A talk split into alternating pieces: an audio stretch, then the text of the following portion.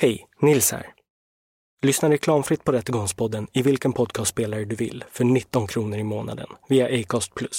Om du saknat de över 30 tidigare låsta bonusavsnitten finns de också tillgängliga och reklamfria via Acast i vilken podcastspelare du vill för 29 kronor i månaden. Och då erbjuds du även förhandslyssning på serierna. Följ bara länken i avsnittsbeskrivningen. Tack för ert stöd! För 25 år sedan föddes Unibet ur kärleken till sporten. Av spelare, för spelare. Vi har utvecklats av sportens sunda värderingar och satt en nollvision för osund spelande. Och varje dag jobbar vi stenhårt för ett lite schysstare spel. Unibet. För dig över 18 år. Stödlinjen.se. 100% förnybar kraft från Skellefteå Kraft förnyar sig hela tiden. 100% förnybar kraft från Skellefteå Kraft förnyar sig hela tiden.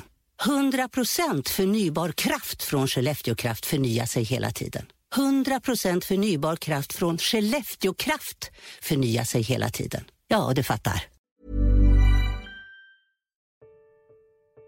Det har skjutits två skott på övervåningen. Jag anser att det är där det har börjat. Det finns ingen anledning att tro någonting annat. Däremot är han skjuten till döds i hallen. Det har skvätt på vägg, golv och tak. Det finns en benbit där. Det har städats där också. Det, hittar man, det finns rester av städning som syns inne i badrummet och det ligger också någon benbit i diskhon. Det finns förladdning som finns. Tidigt en sommarnatt i juli 2018 skjuts en 27-årig man till döds efter att ha bjudits in till en hemmafest i ett annars stillsamt radhusområde i Vänersborg. Tidigt på morgonen påträffas han skjuten med tre hagelskott och ingen som deltagit på festen vet vad som har hänt. Men trots det pekas en tidigare ostraffad småbarnspappa direkt ut som gärningsman. Du lyssnar på Rättegångspodden och på del 1 om hagelskotten i Vänersborg. Mitt namn är Nils Bergman.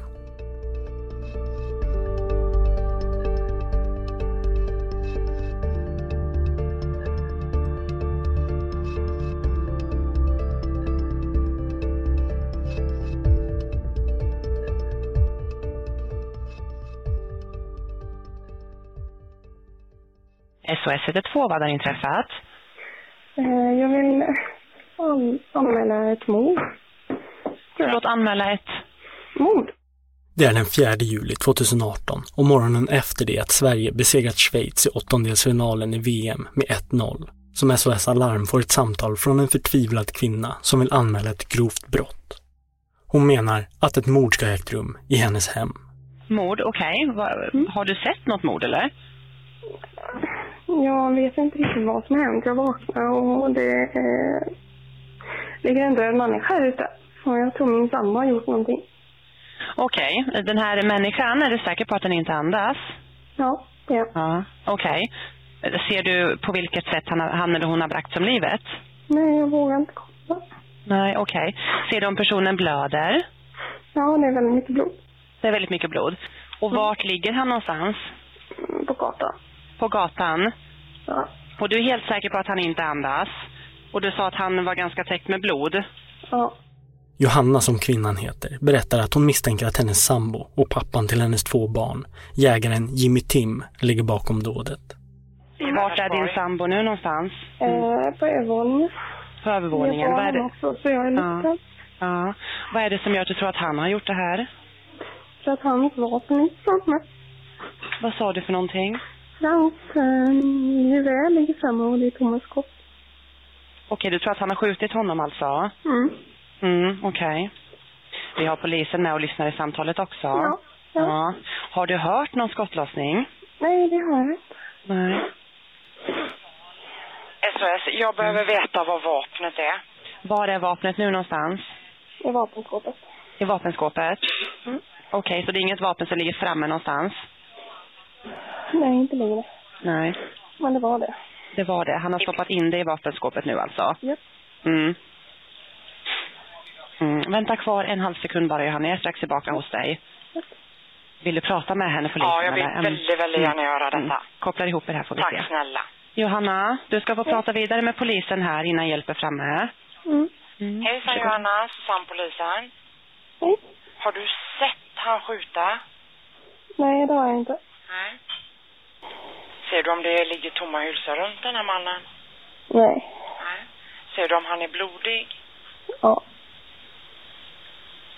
Rö- han rör sig inte. Nej. Var är din man? Sambo? Jag tror han är på toa just nu. Har, ni, har du hört någonting idag? Något bråk eller? Nej, det, jag vet inte om det är svartsjuka eller vad det är. Jag vet inte vad som har hänt. Är du rädd för honom, eh, Johanna? Jag är inte rädd för honom. Jag vill bara, jag vill bara lämna.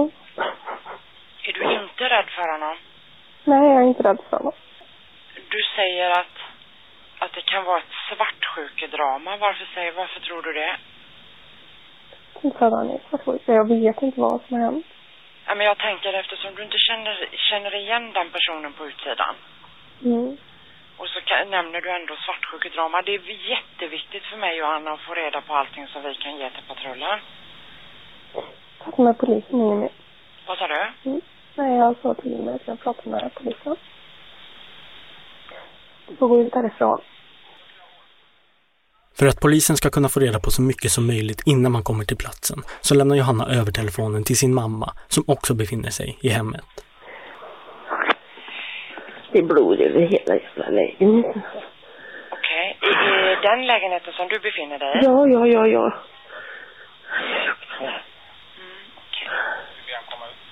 Nu? Uh, utsläpad, alltså ut i, utanför vägen här ligger han. Okej. Kommer polisen? Och du har varit framme och känt pulsen? Ja, jag har kollat. Jag kollat. Han är död. Alltså, han är död. Jag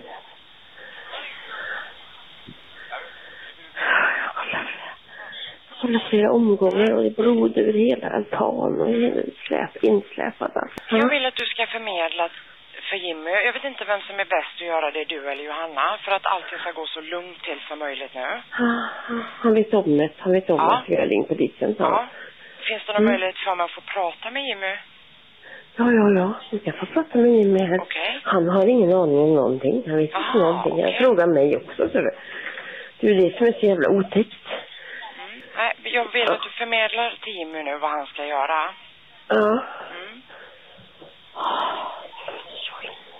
Och så vill jag, och så vill jag samtidigt att ni säkrar barnen. Ja, barnen är säkrade nu i sovrummet. Jag Båda det två. Stora, stora barnet. Så jag Ett är... Båda är på ovanvåningen. Jajamän, jajamän. Nu- Är du med Jimmy? Ja, fast han pratar i telefon. Ja, men då får han lägga på. Se till honom att gå ut med händerna över huvudet. Polis, pol, polisen. Nu är polisen här. Ja, okej. I SOS-samtalet hör man hur den första polispatrullen övermannar Jimmy. Men larmoperatören fortsätter prata med Johannas mamma, där det framkommer detaljer om vem den avlidne personen är. Ja, Alltså, jag har ingen aning om. Jag har ingen aning om vad som hänt. du får backa därifrån. Gå Ja, jag därifrån. ja, jag är härifrån. Mm. Jimmy är säkrad, säger hon. Fan, otäckt. Vad är det som har hänt? Alltså, det är så jävla otäckt. Alltså, jag har aldrig varit med om maken, alltså. Ja, jag förstår det. Så ligger han död killen där. Han är ny killen alltså. Han, jag träffade honom idag. Vi, jag var ute och rökte och så träffade jag honom. Vi pratade och vi hade jättekul. Och så följde han med hit. Jag har precis flyttat hit. Han är död. Nu.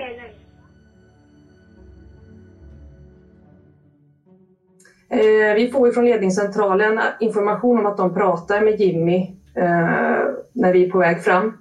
Det kommer senare visa sig att den här killen, som var nyinflyttad i området och som mamman träffat samma dag när hon var ute och rökte, är den 27-åriga Joakim Claesson. Ingen hade träffat den här personen innan, inte heller Jimmy Tim, som under morgonen blir omhändertagen av polis. Vi hör en av de första poliserna på plats, Jessica Gustafsson. Eh, Jimmy öppnar dörren och eh, vi skriker till honom att han ska hålla händerna över huvudet. Vilket han gör. Eh, vi ber honom vända sig om och lägga sig på marken. Eh, och då eh, hölstrar jag mitt vapen och springer fram och belägger honom med fängsel. Jag upplevde Jimmy som berusad och i ja, någon form av chock. Han förstod inte riktigt vad det var som hände, upplevde jag. Gick det lugnt till? Ja, han var lugn och samarbetsvillig hela ingripandet. Gjordes det någon visitation på honom? Ja, eh, det gjorde det och vid den påträffade vi en eh, hagelpatron i ena byxfickan som togs i beslag. Men han, han upprepade ju sig hela tiden att han inte hade skjutit någon och han förstod inte vad det var som hade hänt. Han kunde inte fatta det här. Att han sköt ju rådjur har han också nämnt. När han satt med mig och pratade i bilen. Strax efter att Jessica och hennes kollegor gripit Jimmy så anländer en annan polisstyrka som får uppdrag att söka igenom resten av huset och försöka hitta den avlidna mannen som Johanna berättat om. Vi kliver in i alla fall genom ytterdörren och eh, Vi hör Alexander Johansson, som i den här tiden var polisaspirant. jag anmärker ganska direkt på att jag ser eh, vad jag tycker liknar blodspår i hallen, vardagsrummet som är rakt fram när man kommer in i ytterdörren.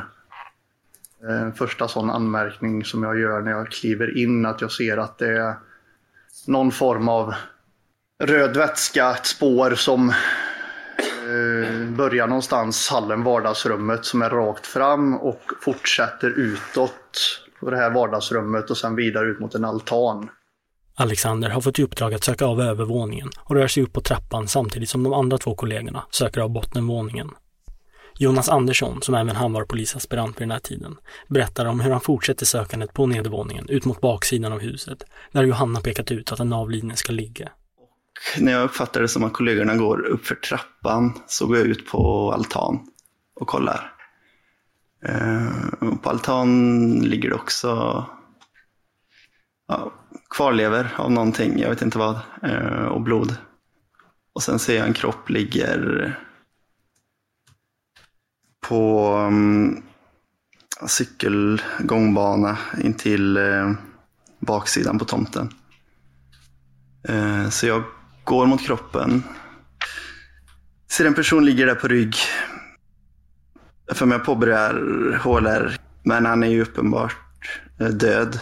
Jag kollar pulsen, ringer puls. Han är hård och blek. Och där någonstans går jag väl ut på radion till mina kollegor och säger att det ligger en kropp på baksidan. Alexander, som är på övervåningen, är den enda av poliserna som har en sjukvårdsväska med sig in i huset och han hör när Jonas ropar ut att han behöver hjälp. Så han avbryter sitt sök och följer blodspåren i hallen ut till altanen. Där möter han Jonas, som står på huk över en livlös kropp. Jag minns att eh, kollegan, han är i full färd och jag vet inte om han gör livsuppehållande åtgärder. Eh, men han eh, skriker på mig i alla fall att han vill ha plasthandskar. Och handsprit. För att eh, han nämner någonting om att han har försökt jag tror han säger någonting om att han har försökt trycka tillbaka någonting in i kroppen, personen där. Jag ser någon form av skada i huvudet. Men huvudet är invirat i någon form av tygstycke. Jag vet inte om det är eh, någon, form av klädesplagg eller om det är... Eh, jag, kan inte riktigt komma ihåg vad... Det är någon form av textil som är virat runt huvudet i alla fall. Eh, det är väldigt mycket blod. Man ser någon form av skada, inbuktning, någonting i, i huvudet. Sen så... Jag ser i alla fall ett... Vad jag tror det är, ser ut som att vara något utgångshål i buktrakten där. Jag tror det är på höger sida buken. Där han ligger, han ligger på rygg. Ja, ytterligare en kollega, vet inte vem det är, eh, kommer fram och eh, ja, ber oss avsluta våra försök där med Ett poddtips från Podplay. I fallen jag aldrig glömmer djupdyker Hasse Aro i arbetet bakom några av Sveriges mest uppseendeväckande brottsutredningar. Går vi in med hemlig telefonavlyssning och, och då upplever vi att vi får en total förändring av hans beteende. Vad är det som händer nu? Vem är det som läcker? Och så säger han att jag är kriminell, jag har varit kriminell i hela mitt liv men att mörda ett barn, där går min gräns. Nya säsongen av Fallen jag aldrig glömmer på Podplay. Jag har ju rivit upp sjukvårdsväskan och letar febrilt efter handskar och eh, sånt där som kollegan. Så kommer de dit och säger att vi ska kliva därifrån och eh, be ambulansen komma dit. Där får vi då ett nytt uppdrag att vi ska hålla avspärrning eh, och då är det jag och Jonas som får den informationen. Poliserna på plats bär av huset och Jimmy, Johanna och Johannas mamma som varit i huset grips och tas in till polisstationen för förhör. Både Johanna och Jimmy berättar om att det har varit festligheter hemma hos dem under kvällen och att Johannas mamma kommer över med en främmande man vid namn Joakim. Jimmy och Johanna ska sedan under kvällen blivit väldigt fulla och somnat. Johanna ska sedan ha vaknat upp under natten och sett blod i hallen och förstått att något hemskt måste ha hänt. Hon ska sedan ha börjat städa så att döttrarna inte skulle behöva se blodet. Efter detta har hon sett Joakims döda kropp från altanen och ringt till polisen. Men i polisförhöret tar hon tillbaka sitt utpekande mot sin sambo Jimmy och säger att hon inte har en aning om vem som kan ha utfört dådet. Väl tillbaka i huset så har grannarna börjat samlas runt avspärrningarna och polisen börjar fråga runt om någon i området har märkt av något konstigt under natten. I often take out the dog at night when I can't sleep, or so we just go for a walk. Vi hör grannen Adrik, som vid halv två-tiden på natten till den 4 juli var ute med sin hund. Och när han är på väg tillbaka hem ser han hur hans hund stannar till på cykelvägen utanför Jimmy och Johannas hus. Um, and my, for some reason, my dog puts her nose into the hatch. She normally doesn't do that. Uh, so I stop for a moment, and I heard like noises inside. Um, I, I can't say if it, were people or, or things that were falling, but it's like turmoil. I told the dog, "Come, we go home," and uh, when we just start walking again, I I heard a woman say, "Sluta nu," with quite high, and one or two children, I I certainly know one child started crying, a young child. Um, so we go home. I don't take notice of it anymore. Yeah, it's not of my business. Um, and I sit down at the PC again. I put my headphones on. I make chicken nuggets. And at a certain point, uh, I heard one shot. Flera grannar hörde under natten skott avlossas och grannen Birgitta som låg och sov minns hur hon vaknade vid tvåtiden av ett skott som ekade över radhusområdets gator. Och, och då var jag, gick jag upp och tittade, vet jag. Jag såg ingenting än. Och sen gick det väl en liten, några minuter eller tio kanske, 15, jag vet inte. Så hörde jag ett skott till. Och sedan så gick det ytterligare, det var svårt att uppfatta eller på natten när man ligger och kanske slumrar till lite. Mm. Om det kunde gått en 10-15 minuter till. Så hörde jag ett tredje skott. Du hörde tre skott då allt som allt? Ja, har jag för mig att det Mm. Den mördade Joakim var 27 år gammal och nyinflyttad till Vänersborg och hade bara bott där en vecka innan denna ödesdigra natt. Joakims mamma berättar i förhör om att Joakim tidigare bott i Lilla Edet men blivit av med sin lägenhet och flyttat hem till sin mamma i Vänersborg. En stad han inte varit i tidigare och där han inte kände någon alls. Han hade mått dåligt under en tid innan han kom till Vänersborg. Men han hade förhoppningar för framtiden och började sakta men säkert må bättre. Joakim var väldigt social och älskade att träffa nytt folk. På eftermiddagen den 3 juli är han ute på sin gård och röker och kommer då i kontakt med Johannas mamma och det är genom henne han slutligen hamnar hemma hos Jimmy och Johanna. Varken Jimmy, Johanna eller Johannas mamma säger sig veta vad som hände under natten till den fjärde. Men ytterligare en person, Johanna och Jimmys kompis Martin, som var över hos paret tidigare under kvällen, vittnar om att det har varit en trevlig kväll och varken dålig stämning eller bråk. Vi sitter och pratar, vi spelar musik och eh, jag och Johanna tar varsitt glas vin, rosévin, på altanen. Ja, sen eh, ringer Johannas mamma, eh, Facetime, eh, och vi pratar med henne genom telefonen där. Och Johanna tycker, kom, eh, du kan väl komma hit. Eh, kom hit och ta ett glas vin, om du inte har något att göra. Liksom sådär. hon hade en nyligen träffad bekant där som, som hon frågade om får han också komma. Mm. Och det tyckte väl Johanna att ja, varför inte? Hur var det då? Hade ni druckit, du sa ett glas här, har det blivit mer eller var det? Jag tror jag, två glas vin kanske hade druckit då. Mm. Ja, men jag minns inte riktigt. Hur var det med Johanna och Jimmy? Jim, eh, Johanna hade druckit vin. Eh, Jimmy, vad jag minns så drack han folköl den kvällen. Under kvällen så fortsätter de dricka alkohol och Martin märker hur Johanna blir mer och mer full ju längre tiden går. Det märks. eh, Hon eh, blev okontaktbar. Nästintill. Under en period. Det händer ju när Johanna dricker för mycket. Mm, det går över en gräns och så blir det så. Jimmy bestämmer sig under kvällen för att börja spexa ute på altanen där de sitter och dricker vin och har det trevligt. Han går upp till övervåningen en stund innan han kommer ner bärande sin jägarmössa och ett gevär. Ett kulvapen. Det togs väl fram för att visa upp det, om man säger. Jimmy har ju lagt ner väldigt mycket pengar på det vapnet och så. Eh, har han gjort. Och det var för att ja, eh, visa, visa upp det helt enkelt. så. Och förutom vapnet, var det ammunition fram också? Nej, det var ingen ammunition fram. Efter att Jimmy visat upp sitt vapen så sitter de kvar på altanen och pratar ett tag. Innan Johannas mamma till slut dyker upp, tillsammans med sin nya vän Joakim. Vi satt kvar ute och pratade. Johannas mamma och den här killen dök upp. Så vi satt ute en stund, eh, pratade med dem. Sen gick vi in i köket. Det, blev, eh, det började skymma lite grann. Det blev väl kallt. Och hur gick konversationen där då? Jag vet att vi pratade politik. Vanliga diskussioner. Vi pratade om, den här killen var från Stockholm, vi pratade om Stockholm, hur det var där jämfört med här. Lite så, ja, normala konversationer var det. Var det något som ledde till att det blev upprört eller osämja på något sätt? Nej, ingenting. Det var, det var en bra stämning. Fanns det någonting sånt under kvällen? Inte vad jag kan minnas. Nej.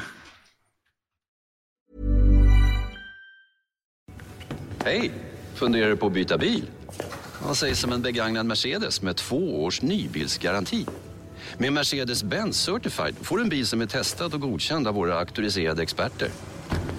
Dessutom får du en rad förmåner som normalt bara hör till nya bilar. Bland annat möjligheten att teckna serviceavtal eller försäkring till fast pris. Så kolla in Mercedes-Benz Certified. Det är så nära du kan komma och köpa en ny Mercedes, men till ett begagnat pris. Det står tidigt klart att det figurerat en stor mängd alkohol under kvällen och polisen inser att det kommer att bli svårt att få reda på exakt vad som hände under natten när Joakim blev mördad. Så kriminaltekniker kallas till platsen för att se om det går att säkra spår som kan leda dem till en bättre bild av vad som har hänt. Det finns en altandörr som går ut till den här altanen och ifrån vardagsrummet och när vi tittar in då så ser man ju ganska tydligt att det finns blod på vardagsrumsgolvet, sånt här parkettgolv ungefär. Sen ser man också att ju längre in i bostaden man tittar så då finns det liksom spår att det ser ut som det är borttorkat blod helt enkelt. Det är blodrester på golvet. Och vi fortsätter in i bostaden och då till slut så när vi hamnar i hallen utanför badrummet där så och står badrumsdörren. Den är liksom utlyft ifrån dörrkarmen och står lutad mot trappan som ligger i hallen också. Och på den här badrumsdörren så syns det väldigt, eller ganska tydligt att det är blodstänk och att man har torkat i de här stänken. Då. Vid en snabb anblick så, så ser det ganska rent ut men vi tittar ju lite nogsamt och så och då var det ganska tydligt för oss att här har det torkats bort blod. Eh, och eh, vi fortsätter och och min kollega vet jag gick först upp och på övervåningen så ovanför trappan precis så kan man se en pelare och den pelaren, på den pelaren så finns det två stycken anslagsmärken ifrån Hagel hagelpatron. Skotthålen som finns i väggen på övervåningen tyder på att vapnet måste ha avfyrats från Jimmy och Johannas sovrum, där även Jimmys vapenskåp står och där man även hittar tomma hylsor från ett hagelgevär. Har någon träffats där? Jag skulle säga nej eftersom vi har inte hittat något blod på övervåningen. Det finns inget stänk där. Och eh, nej, sannolikt inte. Var har någon träffats då? Ja, Bedömning. Då är min bedömning att vi har hallen nere i, utanför badrummet. Ett poddtips från Podplay. I podden Något Kaiko garanterar östgötarna Brutti och jag, Davva, dig en stor dos skratt. Där följer jag pladask för köttätandet igen. Man är lite som en jävla vampyr. Man har fått lite blodsmak och då måste man ha mer. Udda spaningar, fängslande anekdoter och en och annan arg rant. Jag måste ha mitt kaffe på morgonen för annars är jag ingen trevlig människa. Då är du ingen trevlig människa, punkt. Något Kaiko, hör du på Podplay. Därför är gardinerna. På badrumsdörren så finns det stänkbilder ifrån både blod och ja, vävnadsrester kan man väl säga. Alltså, och de stänkbilderna, de, det är ju blod ifrån offret helt enkelt. Så att det är ju där nere i, utanför badrummet i, på bottenvåningen som, som offret har liksom blivit skjuten av. Vi, eller min uppfattning är att det har varit två skott som har träffat offret här i hallen. Mm. Och ett skott, som du sa, var ju i huvudet och ett i buken. Då. Mm. Har det avfyrats fler skott? Ja, sen var det ju som så att offret låg ju på trottoaren ute. Och eh, då fanns det ju en, en hagelkärve som hade träffat liksom mot skrevet till offret. Då. Mm. Rättsläkaren Michel Bent, som undersöker Joakims kropp, kan berätta mer om hur och på vilket besinningslöst sätt Joakim bragt om livet under natten. Du har skrivit det att eh, utseendet av ingångsåret i högra tidningen talar starkt för påsittande skott. Ja. Och då undrar jag, vad innebär påsittande skott? Eh, ja, ett påsittande skott innebär att det har varit kontakt mellan huden eh, och framsidan av vapnets pipa. Mm.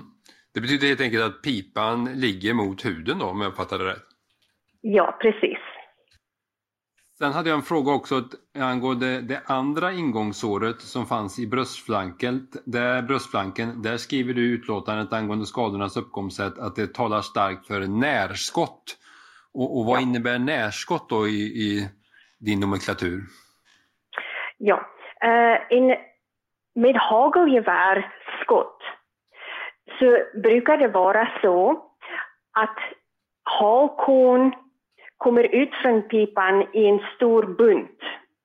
Och då, desto längre avståndet blir mellan eh, vapnet och huden så har man spridning av de här korn. Um, så jag kan inte säga precis vilket avstånd vi pratar om. Men generellt kan man säga att man har ett hål utan omgivande separata skador eh, på en avstånd av upp till en meter. Och sen har, fanns det ytterligare ingångssår som var på vänstra armen, könsdelarna, bukväggen och ljumskarna och där skriver du talar starkt för att de orsakas av fjärrskott. Ja, återigen kan jag inte vara alldeles för specifik med avstånd.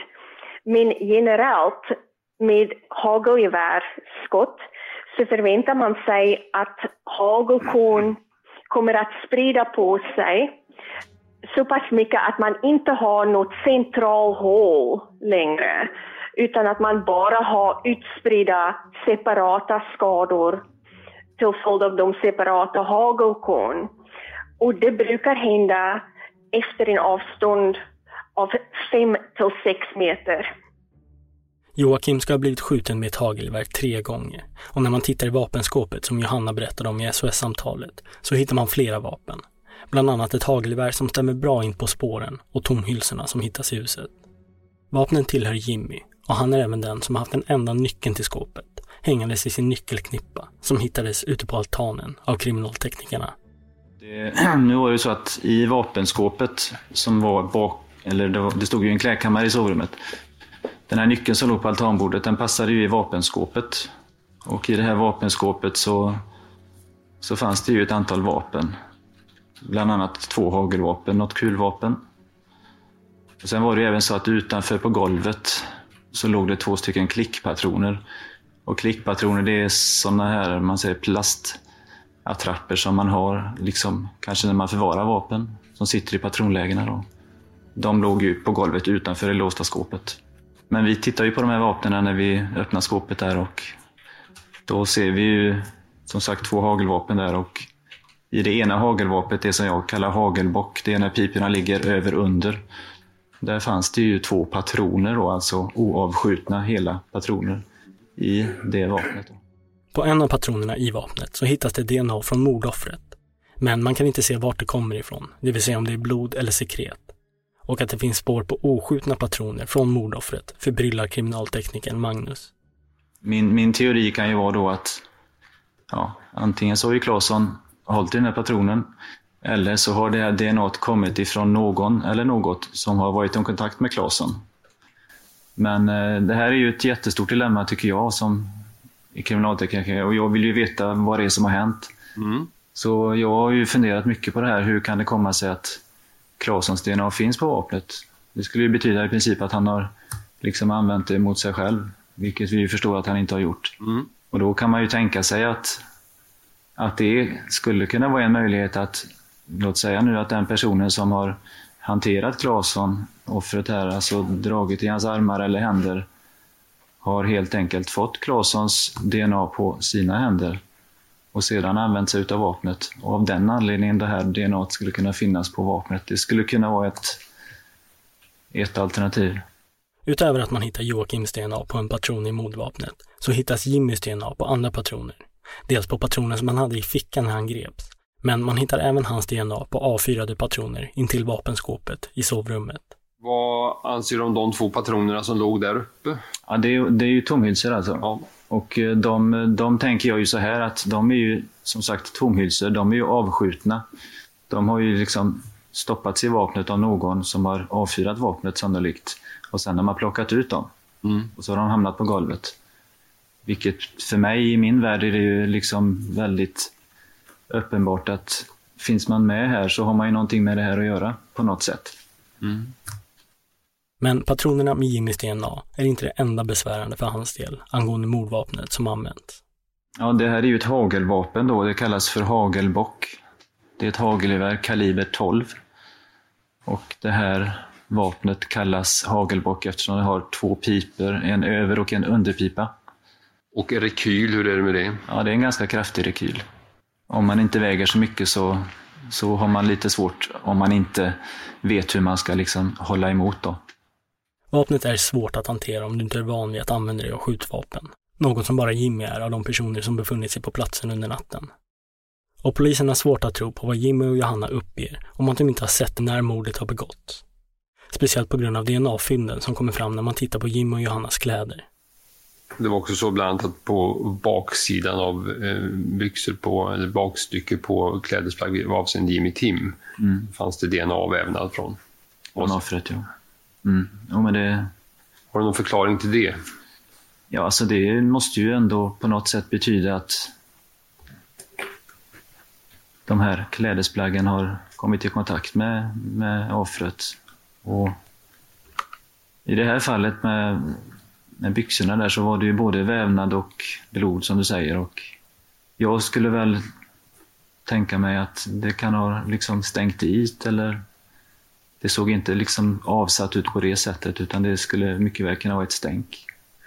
Har du tagit del av också, det har ju påträffats eh, viss DNA även på eh, en topp som eh, Johanna Blom hade. En topp? eh, Ja, ja, just det. Ja. Mm. T-shirt. Precis. Ja, jag har ju sett det i analyssvaret där och om jag inte minns fel, du har det ju på papper där, men så, så var det ju offrets blod där. På hennes topp där.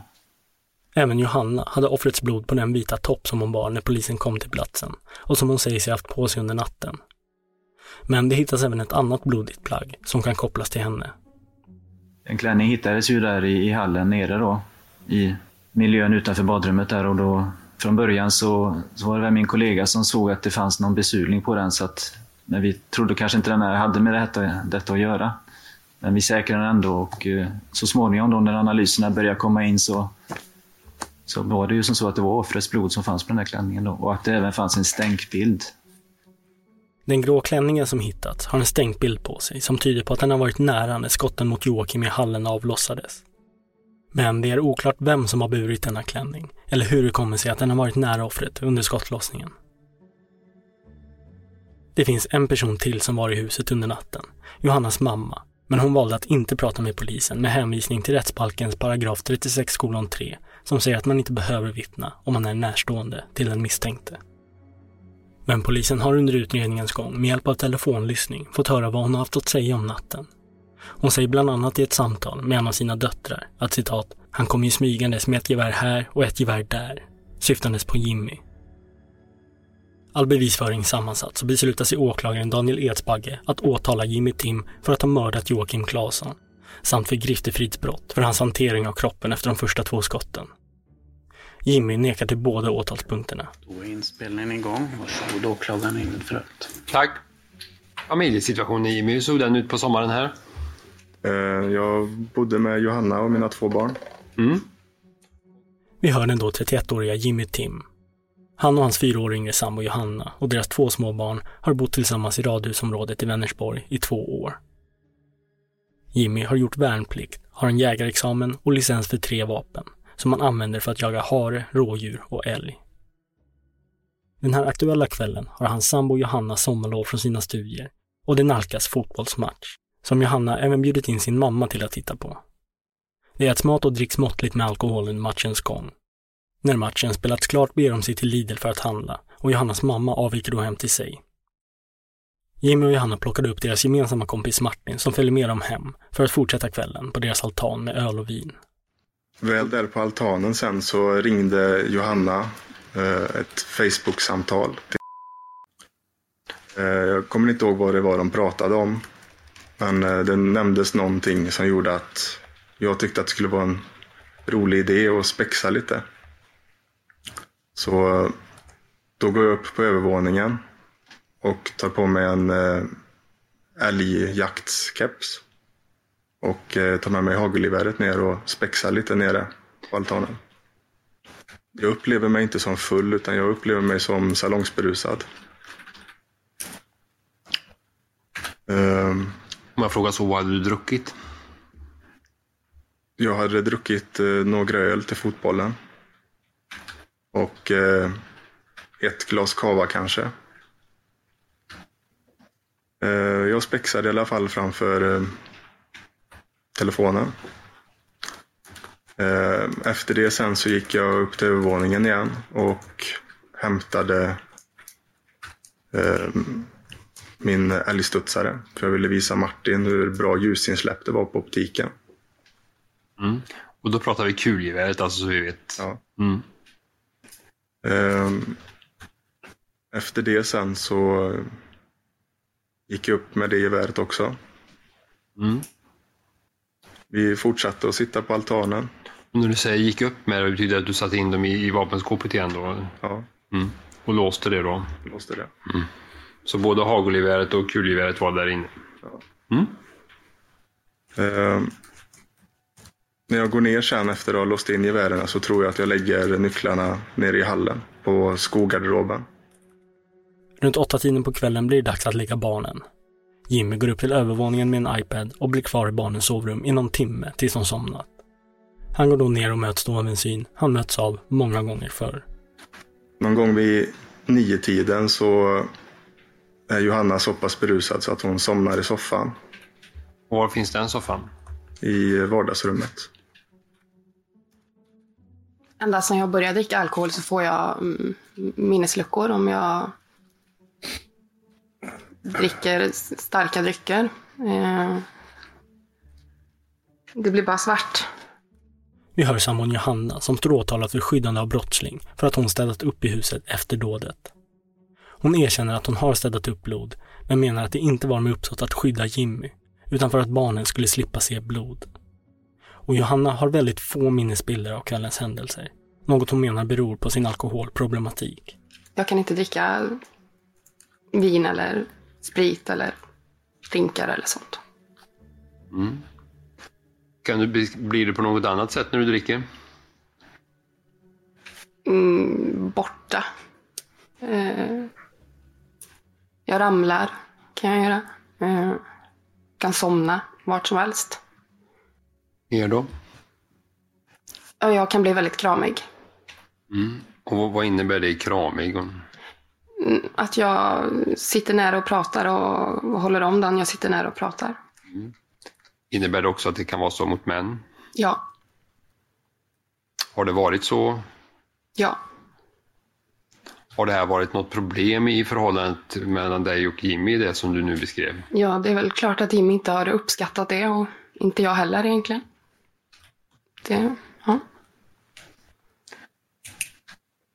I tiden här precis fanns något sånt bekymmer er emellan precis i, när, i den tiden här, den här kvällen eller den här dagen? Nej, Kan du komma ihåg när det var något sånt var ett bekymmer senast då i förhållande till ja, när vi hade en, en bekant, eller en vän hemma. Jag kommer inte ihåg när det var. En gemensam vän. och vad var det som hade blivit bekymmer då? Eh, Jimmy hade tyckt att jag var för närgången för att jag satt och höll om hans arm och pussade honom på kinden. Och det kommer inte jag ihåg. Hur långt innan det här var det? Det minns jag inte. Vid ett annat tillfälle då Johanna varit kraftigt berusad så var hon otrogen och hade sex med en annan man. Det fick Jimmy att bli väldigt upprörd och han flydde hemmet i två dagar. Men förhållandet lappades ihop och Johanna berättar senare hur hon skämtat om händelsen. Och hur är han skojat då? Vi måste ha reda på det. Att han, ja är du otrogen så skjuter jag dig, haha. Och jag har sagt det är ömsesidigt. Mm. Det har aldrig varit prat om någon annan. Johanna menar också att Jimmy är väldigt svartsjuk av sig, något han själv förnekar. Den aktuella kvällen är det oklart exakt hur mycket alkohol Johanna druckit, men hon har kraftiga minnesluckor. Vad hände sen den kvällen då? Jag har ingen aning. Eh, jag har något minne av att mamma är där med någon. Om inte ens jag minns hur den såg ut. Eh, att vi är på altanen. Sen har jag något minne av att jag sitter i mammas knä, tror jag, i köket. Och det är också bara någon sån här sekundminne. Att jag har befunnit mig där. Den här som du säger, han som, eller den personen som kom dit. Hur, hur kom det sig att han kom dit då? Det var ju för att han var med mamma. Mm. Det har ju fått till mig. Har du och din mamma talat om det, att han skulle, hon skulle ha med sig en gäst? Jag kommer inte ihåg. Inget? Nej. Och kommer du ihåg hur din mamma var när hon kom då? Nej, ingen aning. Har det varit något bråk här under kvällen? Någon form av osämja? Inte vad jag kan veta. Eller inte vad jag vet. Inte alls? Nej. Jimmy försöker ringa Johannas mamma under kvällen för att meddela henne om att Johanna redan har däckat och att hon därför kanske inte behöver komma. Men hon svarar inte och dyker upp sen ändå, tillsammans med den nyinflyttade Joakim. Johanna vaknar till liv igen och Jimmy välkomnar Joakim och har inget emot hans sällskap. Det har hunnit bli lite kallt ute, så Jimmy, Johanna, Martin och Johannas mamma och Joakim har samlats i köket. Vi sitter i alla fall i köket och umgås. Sen så efter en stund så går Martin hem för att han ska upp och jobba dagen efter. Mm. Och en stund då? Du tror att vid elva kom de Joakim och då var Martin kvar. Eh, Jag vet inte, jag har ingen tidsuppfattning där. nej. Men efter en stund gick Martin för han skulle upp och jobba. Ja. Mm. Vi fortsätter umgås och dricka. Ehm. vi dricker whisky. Eh, ett tag där senare så börjar jag känna att jag är alldeles för full och jag har svårt för att hålla mig vaken. Så eh, då går, reser jag mig upp och går upp för trappan och går och lägger mig. För Johannas del är det i princip helt blankt från tidigt på kvällen fram till femtiden på morgonen. Då börjar minnesbilderna komma tillbaka och det är då hon plötsligt inser att lägenheten är full av blodstänk. Och berätta sen vad du kommer ihåg sen då. Jag kommer ihåg att det lyser jättestarkt på toaletten. Jag är i rum. Så jag börjar gå utåt. Hon ser att det är en massa blod där. Och så ser jag att dörren inte hänger på... Ja, denna ska hänga. Eh. Så jag får panik. Eftersom att jag går från Så jag...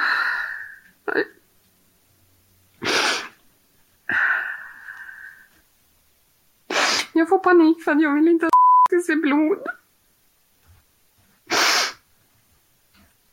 Så jag börjar torka upp det. Och vad torkar du upp med? En skurhink och en skurborste. Och jag använder en trasa också. Mm. Vi såg en golvmopp här. Var det det du menar med skurtrasa? Ja, ja. Mm. Och någonstans, jag kommer inte ihåg vilken, i vilket skede, men någonstans så plockar upp hylsor på golvet. Som jag tittar in i och ser att det är hål i dem. Och de ställer jag på trappsteget. Jag vet inte om det är precis i början eller när det är jag gör det. Hur många hylsor är det? Två. Ja. Mm. Och så reagerar jag på att altandörren är öppen och vi har en katt eh, som tidigare varit med om en bilolycka så jag blev rädd och fick panik över det också så jag ska kolla och gå och ropa efter honom på altanen. Eh, Så jag börjar titta åt vänster och då ser jag att den här vinboxen den är uppsprätt. Och då förstår jag ju att det har varit väldigt mycket alkohol. För den var full. Eh, och sen så följer jag blicken så och så ser jag någon ligga nedanför trottoaren, nedanför rabatten. Så då blir jag... Jag blir rädd och undrar vad han gör där. Så jag ska gå upp på övervåningen. Och då börjar jag trampa i massa träflisor.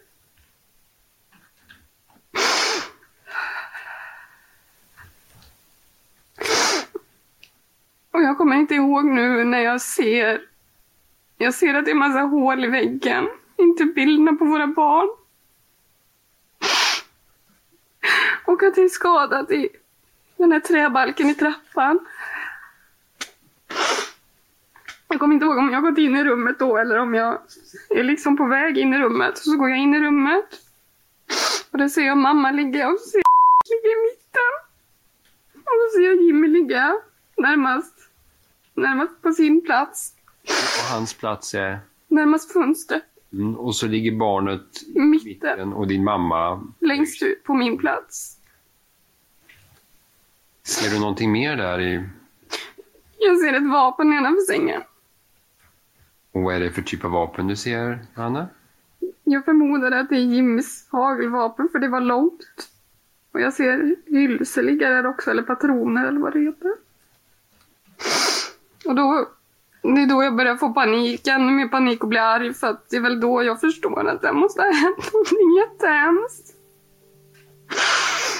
Jag börjar, jag vet inte, jag minns inte vem jag får väckt först. Men jag slår i alla fall på Jimmy.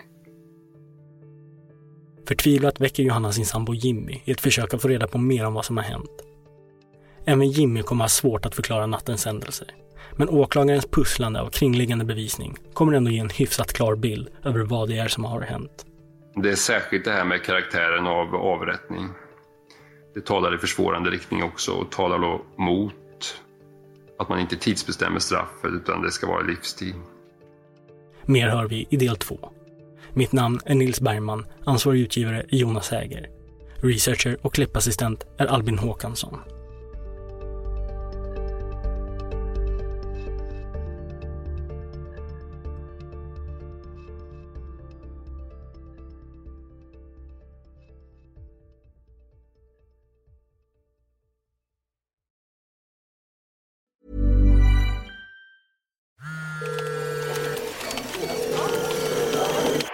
Stressigt på jobbet? Visions rådgivare finns alltid nära dig för att svara på dina frågor om till exempel arbetsmiljö och utveckling i jobbet. För ditt jobb är vårt jobb. Välkommen till fackförbundet Vision. Med Synoptiks glasögonabonnemang ingår all service som otursskydd och fria glasbyten när din syn förändras. Just nu får du 30% på alla glasögon när du tecknar abonnemang. Boka tid på synoptik.se. Rättegångspodden görs i samarbete med Lexbase.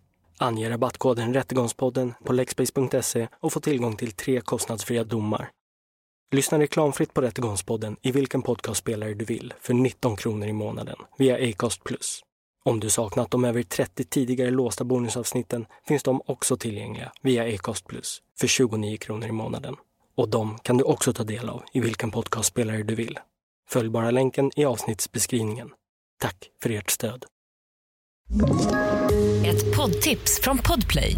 I fallen jag aldrig glömmer djupdyker Hasse Aro i arbetet bakom några av Sveriges mest uppseendeväckande brottsutredningar går vi in med hemlig telefonavlyssning och, och då upplever vi att vi får en total förändring av hans beteende. Vad är det som händer nu? Vem är det som läcker? Och så säger han att jag är kriminell, jag har varit kriminell i hela mitt liv men att mörda ett barn, där går min gräns. Nya säsongen av Fallen jag aldrig glömmer på Podplay.